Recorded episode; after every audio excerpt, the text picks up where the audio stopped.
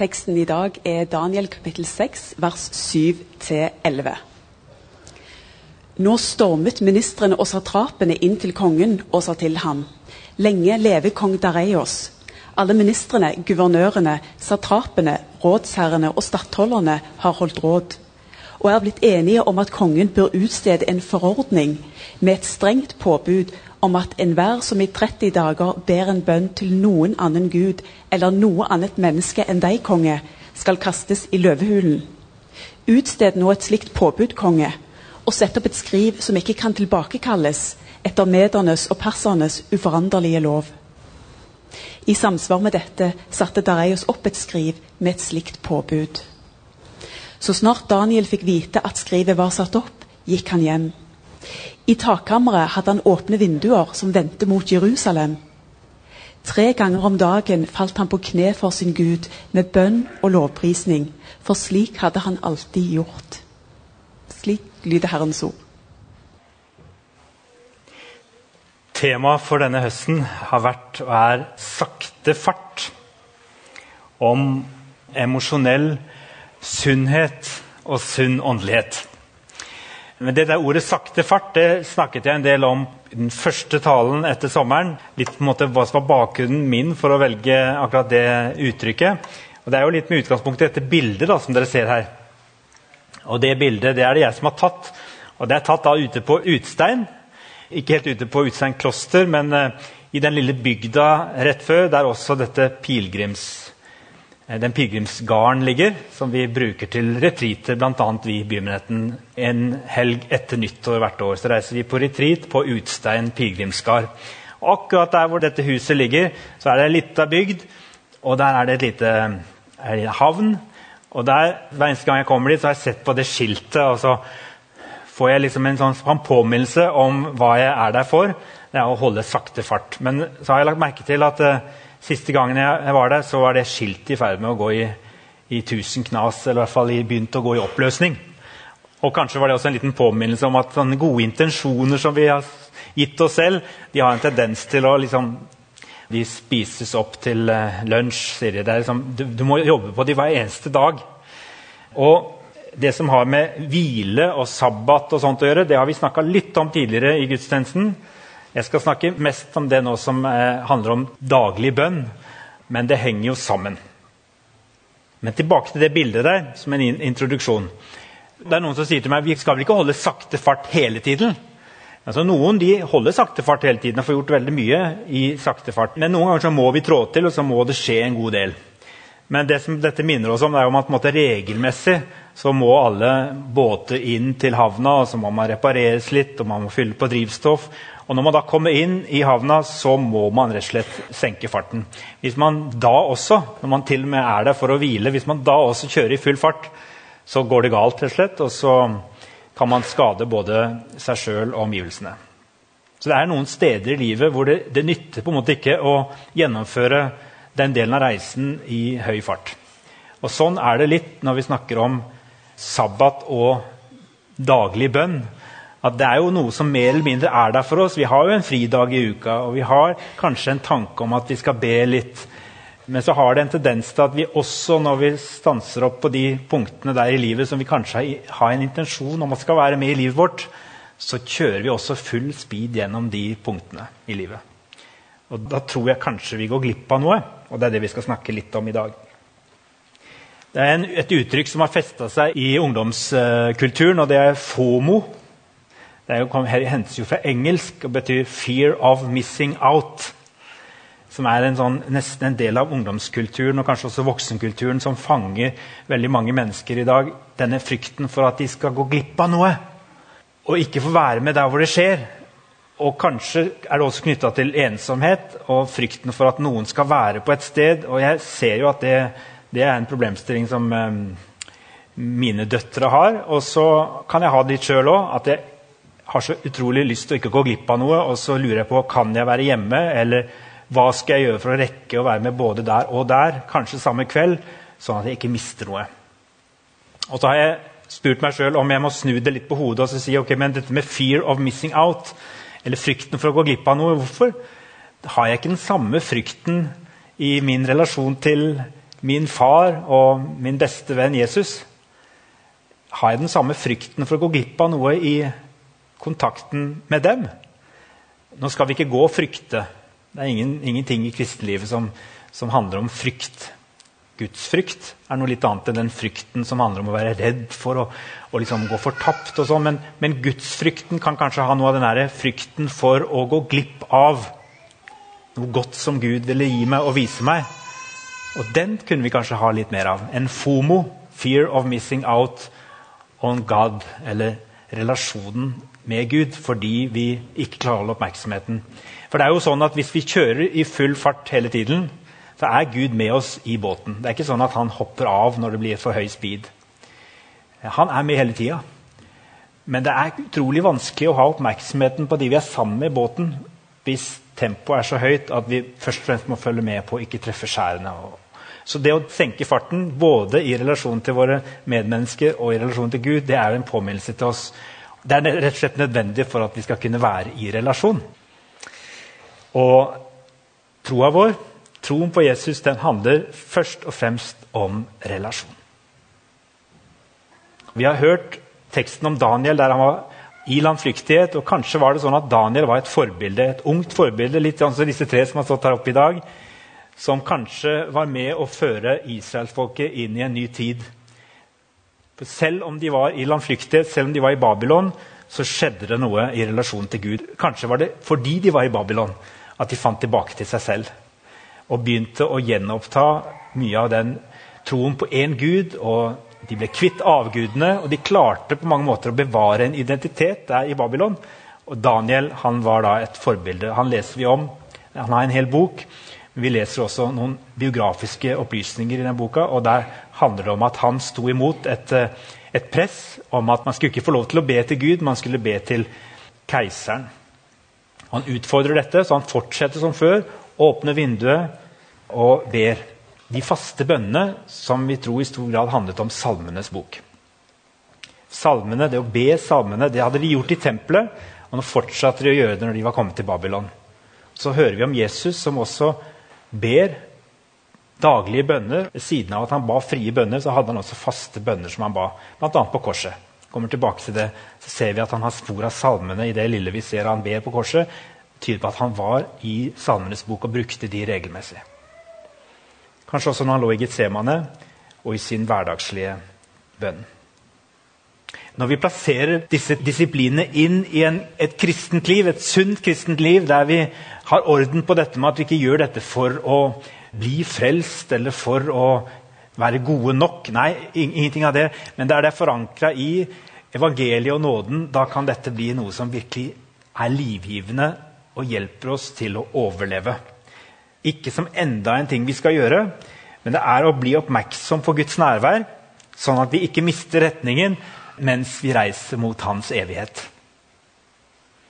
Et av de vakreste utsagnene om tid i Bibelen det fins midt i Salme 31 og lyder 'Mine tider er i din hånd'. Det er jo for øvrig denne bønnen Salme 31 som blir bedt morgen og kveld i Ukraina. De har funnet noen, noen nøkler i akkurat denne salmen som en, en, slags frigjørende bønn og en bønn om omsorg og hjelp i de dagene de går gjennom. Mine tider er i din hånd. Det betyr at alle våre dager, alle våre livsfaser, vår barndom, vår ungdom, unge voksenlivet, singellivet, eller for noen den gryende kjærligheten som leder til nygiftfasen, kanskje småbarnsfasen senere, midtlivskriser, midtlivsgleder, alderdommen med all sin modenhet og sine mange muligheter og utfordringer. Alle mine tider er i Guds hånd. Noen tror kanskje at alle prester har lett for å be, at det er på en måte en del av forutsetningen for å bli prest og være prest. Be ofte og lenge. Det gjelder ikke for meg. Det ligger ikke nødvendigvis for meg å være mye i bønn. Jeg kan streve med å holde konsentrasjonen i lange perioder av gangen. Lett for at jeg, blir, jeg mister den og, og, spres hit og dit. Derfor er det ikke uten videre enkelt for meg å tilbringe tid i bønn. Og Til gjengjeld så kan jeg sukke til Gud ganske ofte gjennom dagen. Og Kanskje er det noen av dere som kjenner dere igjen i det. I perioder så har jeg utstyrt meg med en liten uh, alarm på klokka eller eller mobiltelefonen bare for å gi meg et slags signal når det er tid for å sukke, altså snakke litt med Gud. Det kan være ett minutt eller to. Og For meg er det vel så lett å be sånne korte periodiske bønner et par-tre ganger gjennom dagen enn å få til en lang bønnestund, f.eks. om morgenen. Men i perioder så, så, er det godt å prøve å innrette livet etter å be litt mer, og også be litt mer gjennom dagen. Og det gjør alltid godt. Selv om jeg kan falle tilbake til travelheten, så vet jeg at der ligger det en kilde til liv. Et mye mer samlet liv. Og kanskje ha litt mer tid enn det jeg ofte gir meg. Jeg står i en lang tradisjon når jeg har forsøkt å ha klokka på for å stanse og be. Selv om jeg kanskje ikke er så utholdende som mange av våre forfedre i troen. Det fins et navn på det å be faste bønner gjennom døgnet. og Det kalles på norsk for tidebønner. På engelsk snakkes det om 'the daily office'. Og De fins i mange variasjoner. Selv mange av oss som er glad i fri bønn, har opplevd hvilen og friheten i også å be skrevne bønner. Særlig når de er basert på Bibelen. For de aller fleste så vil trolig tidebønnene i sin sånn klassiske versjon være for omfattende i hverdagen. Da er det gjerne både litt om morgenen, så er det lunsj, og så er det ettermiddag og kveld. Magnus Malm han beskriver i, i sin nydelige bok kjennetegn. Hvordan ulike strømninger har fått prege bønnepraksisene i den kristne kirke gjennom historien. Benedikt han utviklet sin klosterregel på 500-tallet, som bl.a. innebar sju faste bønnetider gjennom dagen. Da Ignatius startet jesuittordenen på 1500-tallet, da var det uaktuelt for han å be sine ordensbrødre om å be så mye. For de skulle ikke bo i kloster, de skulle være ute blant folk og være misjonærer.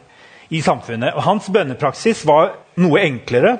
Blant annet var han opptatt av at de skulle ha et sånt tilbakeblikk på dagen, eksamen, på slutten av dagen, der man for å reflektere over hva, hvordan dagen har vært sammen med Gud. Hva var godt, hva var vondt, hva var vanskelig, hva tar jeg med meg? Dette har vi snakket litt om i bymenigheten tidligere. eksamen. Og det fungerer også veldig bra sammen med barna og har et sånt lite tilbakeblikk på dagen. De mer omfattende tidebønnene de anbefalte Ignatius da, at man skulle få til i sånne periodiske retriter over flere dager. Så Da tok han liksom ordensbrødrene til side fra misjonærlivet. Nå, nå skal vi få lov til å bruke mer tid samlet i bønn og stillhet. Så Det viser jo på en måte litt av den variasjonen som vi har med oss gjennom kirkens historie. Så er det likevel noe med det å stanse opp gjennom dagen. Jeg har prøvd meg på forskjellige ting, og kanskje noe av dere disse tingene som jeg skal nevne nå, treffer dere som en sånn liten ja, kanskje jeg skal prøve meg på det, eller utforske det litt mer. Kom gjerne og snakk med meg om det, for det handler jo litt om hvordan vi er forskjellige som mennesker. Den samme Magnus Malm, som jeg ofte siterer, fordi han et, eh, har vært et godt forbilde for meg, spesielt i, både i bøkene hans og i forhold til dette med åndelige disipliner. For en mann som ikke så, har så lett for å be av seg selv, så har det vært godt å, å lene meg litt på hans erfaringer. Og I denne boka 'Kjennetegn' På slutten av den boka så gir han eksempler på de bønner som han har levd med over tid. Han har utviklet noen enkle bønner. De har det til felles at morgen, middag, kveld Korte bønner som er forankra i bibelske bønner. Han baserer seg på bønner i Bibelen. Den vil jeg virkelig anbefale. Jeg skal bare lese for dere, be for dere den bønnen som jeg bruker om morgenen av og til, og som er såpass lett når du har bedt den ganske mange ganger, så, begynner den å bli en, noe som du kan be utenat. Selv om det kan virke som det er store ord med en gang, så er det en, egentlig ganske enkel og fin bønn å lære utenat. Og den, samtidig så er det dybde her. Du merker at du står på skuldrene til eh, fedrene og mødrene. Velsignet er du, far. Før verdens grunnvoll ble lagt, valgte du å sammenfatte alt i Kristus, alt i himmel og på jord. I ham har du utvalgt oss til å være hellige for deg. Ja, far, la viljen din skje. Fyll meg med din ånd, så jeg lærer deg å kjenne. Åpne øynene mine, så jeg ser hvilket håp du har kalt oss til, du som reiste Kristus opp fra de døde, og satte ham ved din høyre hånd over alle makter og åndskrefter. Du som virker i oss med din kraft og kan gjøre uendelig mye mer enn vi ber om og forstår. Din er æren i Kirken og i Kristus Jesus gjennom alle slekter og evigheter. Amen. Eksempel på en enkel morgenbønn. Vi mennesker er ulike. Noen foretrekker struktur. Like nedskrevne bønner ber ofte salmene i Bibelen og andre bibelske bønner. De elsker rytmen. Andre benytter andre verktøy, bøker og metoder. Eller opplever det helt uanstrengt å be helt frie bønner hver gang man ber. Kanskje ved et Fader vår i tillegg. Det er viktig at vi respekterer hverandre for denne forskjelligheten. Nøkkelen er å minnes Gud jevnlig, ikke hvor lenge det varer, og hvilke ord vi bruker. Samme 31 som jeg nevnte i stad, denne med 'alle mine tider er i din hånd', det er også da en av de salmene Jesus siterer mens han henger på korset. Vi vet ikke om evangelistene bare gjengir bruddstykker av Jesu bønner på korset. Kanskje ba han hele salmer. Vi husker setningen fra Salme 22.: Min Gud, min Gud, hvorfor har du forlatt meg? Og så denne setningen fra Salme 31 som han siterer rett før dødsøyeblikket. Far, i dine hender overgir jeg min ånd. Det det er liksom ikke noe sånt som har fortalt meg, men det er den setningen som kanskje har betydd mest for meg i sånn, som en sånn enkel daglig bønn. For den har jeg på en måte kunnet utvikle litt sånn og legge til ting i. Far, i dine hender overgir jeg meg selv. Jeg kan gjøre det på inn- og utpust. Far, i dine hender overgir jeg min ånd, altså meg selv. Og så kan jeg fortsette den bønnen. Og dette er noe jeg kan gjøre mens jeg rusler til jobben eller, eller sitter og har en liten pause. Så kan jeg si Far, i dine hender overgir jeg familien min. Så nevner jeg hver enkelt. Og så kan det hende det er noen andre som kommer i, som jeg minnes. Og så får jeg lov til bare å overgi dem i Guds hender. Og jeg tror egentlig ikke det trengs så mye mer enn det. Bønnen kan være så enkel og så lett. For det handler egentlig om å bli oss bevisst at Gud er her. Ha Han med, og overgi til Han det som vi ikke selv klarer å ha kontroll over. Det er kanskje kristentro i et nøtteskall. Far, i dine hender overgir jeg min familie. Far, i dine hender overgir jeg mine kollegaer. Far, i dine hender overgir jeg menigheten min. Far, i dine hender overgir jeg mennesker på flukt mennesker i krig. Overgivelse det er selve essensen i bønn. Jeg stanser min egen aktivitet og tar en pause for å være sammen med den levende Gud. Jeg stoler på at Gud sitter på tronen. At han hersker, at ikke jeg hersker. Bønnen den handler om at jeg gir fra meg kontrollen i tillit til at Gud klarer å styre verden uten meg. Når jeg lukker Gud inn i min verden, da skjer det et nesten umerkelig bytte. Det er han som lukker meg stille inn i sin verden. Jeg og alt mitt er omsluttet av Guds faderhender. Daglig bønn har altså røtter tilbake i gammeltestamentlig tid og Samenes bok. David hadde faste bønnetider sju ganger om dagen. Det ser vi av Salme 119. Og Daniel ba tre ganger daglig. Og Det var bakteppet for at han ble kastet i løvehulen, den teksten som vi hørte lest. Og Det var fra salmene Jesus hentet styrke på korset.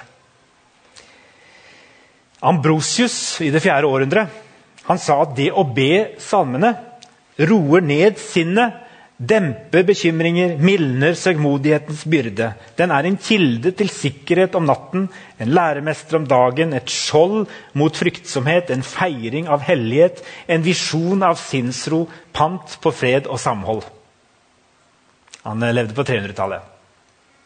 Det er store ord, men jeg kjenner også at her er det noe jeg lengter etter i min ofte litt oppjagede tilværelse. Bønnene har faste mønstre, veksler fra dag til dag i en fireukers syklus utenom høytidene. Det betyr at Hvis man følger en variant av tidebønnen, så kommer man seg gjennom hele Salmenes bok faktisk på fire uker. Hvis man følger de klassiske bønnene. I en periode i studietida mi som sagt, Jeg har ikke vært noe stort forbilde på dette, men jeg har hatt sånne gode perioder der folk inviterte meg med. Og I studietida så hadde vi sånn, et bønnerom, og da var det en periode vi ba noen i lag. Det var noen som var litt mer katolske enn en meg. Og Da var det til og med den katolske bønneboka vi brukte. Og det var en god rytme i hverdagen.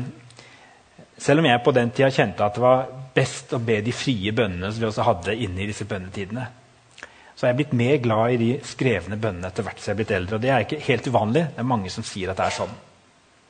Jeg hører at i dag er både kristne på vanlige arbeidsplasser bokollektiv for studenter som finner sammen en eller annen form for tidebønnsrytme. og Det fins et vell av ulike. Ute på Utstein har de en som er litt sånn keltisk inspirert.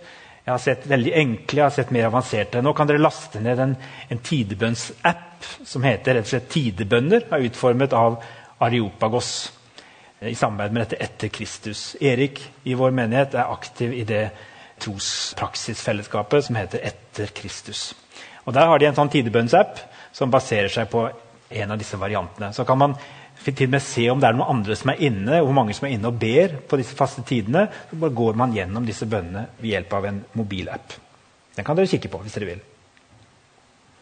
I boka 'Under overflaten' om samspillet mellom menneskelig modning og åndelig sunnhet, som er en sånn bakgrunnsbok for dette temaet vi har i høst, der skriver Peter Scazero om fire elementer i tidebønn. Uansett hvilken form, lengde og innhold vi legger oss på. Inspirert av Skasserov så har det for meg blitt til en huskeregel bestående av fire s-er.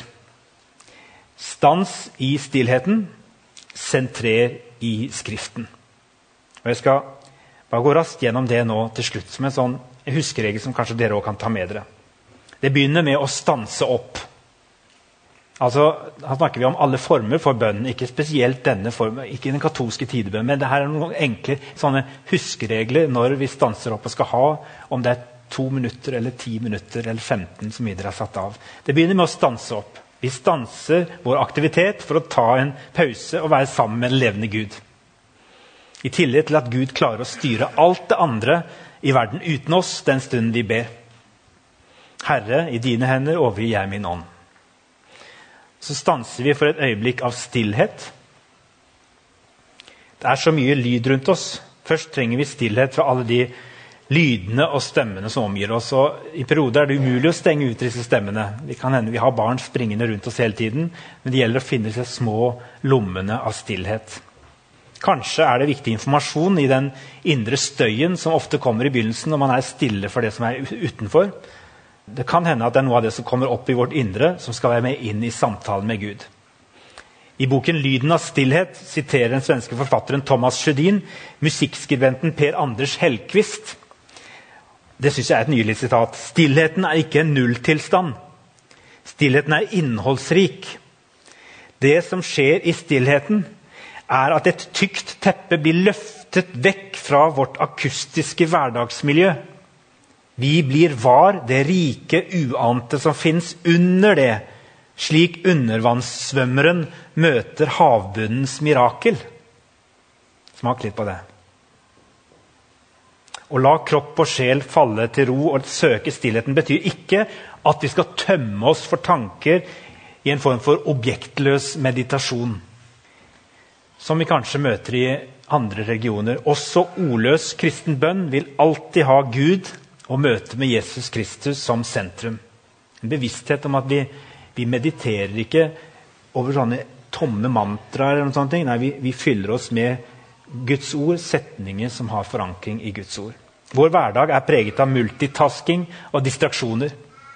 Å be det er å samle seg og sentreres. Derfor også dette ordet 'sentrere'. For å finne konsentrasjonen kan vi trenge å bruke litt tid på å gi slipp på spenninger, bare hvile i Guds kjærlighet. Her kan pusten være en medspiller, rett og slett fordi det står i Bibelen at kroppen er et tempel for Guds ånd. Det betyr at kroppen er også med. Det er altså det måte, rammeverket som vi kan lov til å bruke. Ikke bare hodet, men hele kroppen kan være med i bønn. Og da tenker jeg også at det med pusten er en medspiller. Be Gud om å fylle deg med Den hellige ånd når du puster inn. Kroppen er menneskets berøringsflate til det åndelige. Kalles av Paulus for tempel for Den hellige ånd i 1. Korinterbrev 6. Og Det hebraiske ordet for ånd i Det gamle testamentet, ruach, er for øvrig det samme som brukes for pust. For menneskene, Når de begynte å be, så assosierte de bønnen med pusten. Ånden som Gud vi kunne puste inn og ut. Og så er det denne Jesusbønnen som er en slitesterk bønn som er inspirert av Bartimeus sin bønn, der han roper på Jesus, og som har gått særlig gjennom den ortodokse tradisjonen, men som også er en sånn enkel setning som har stått seg gjennom forfølgelse og alt mulig rart. I den østlige, Gjennom kommunisttiden så ba man denne bønnen. Herre Jesus Kristus, Guds sønn, miskunn deg over meg, en synder. Så Vi har altså denne huskeregelen. Tidebønnens fire s-er. Stans i stillheten, sentrer i Skriften. Ta med dere den. En østlig meditasjon søker det innholdsløse. Der den søker det innholdsløse, så søker kristen bønn inn i Guds ord. Vi sentreres i Skriften. Salmenes bok, Fader vår eller Vår Far. Og så går det an også å legge inn i bønnetiden selvfølgelig det å lese i Bibelen. Til slutt, husk på da at det er ikke sånn at Gud elsker deg mer om du ber mer og har tidebønner ofte. Ingenting du gjør eller ikke gjør, kan få Gud til å elske deg mer enn han gjør akkurat nå. Men å leve i Guds tid det er jo ikke å gå glipp av Guds mange kjærtegn gjennom dagen. Og Da kan tidebønn, bønnetiden, være et godt redskap.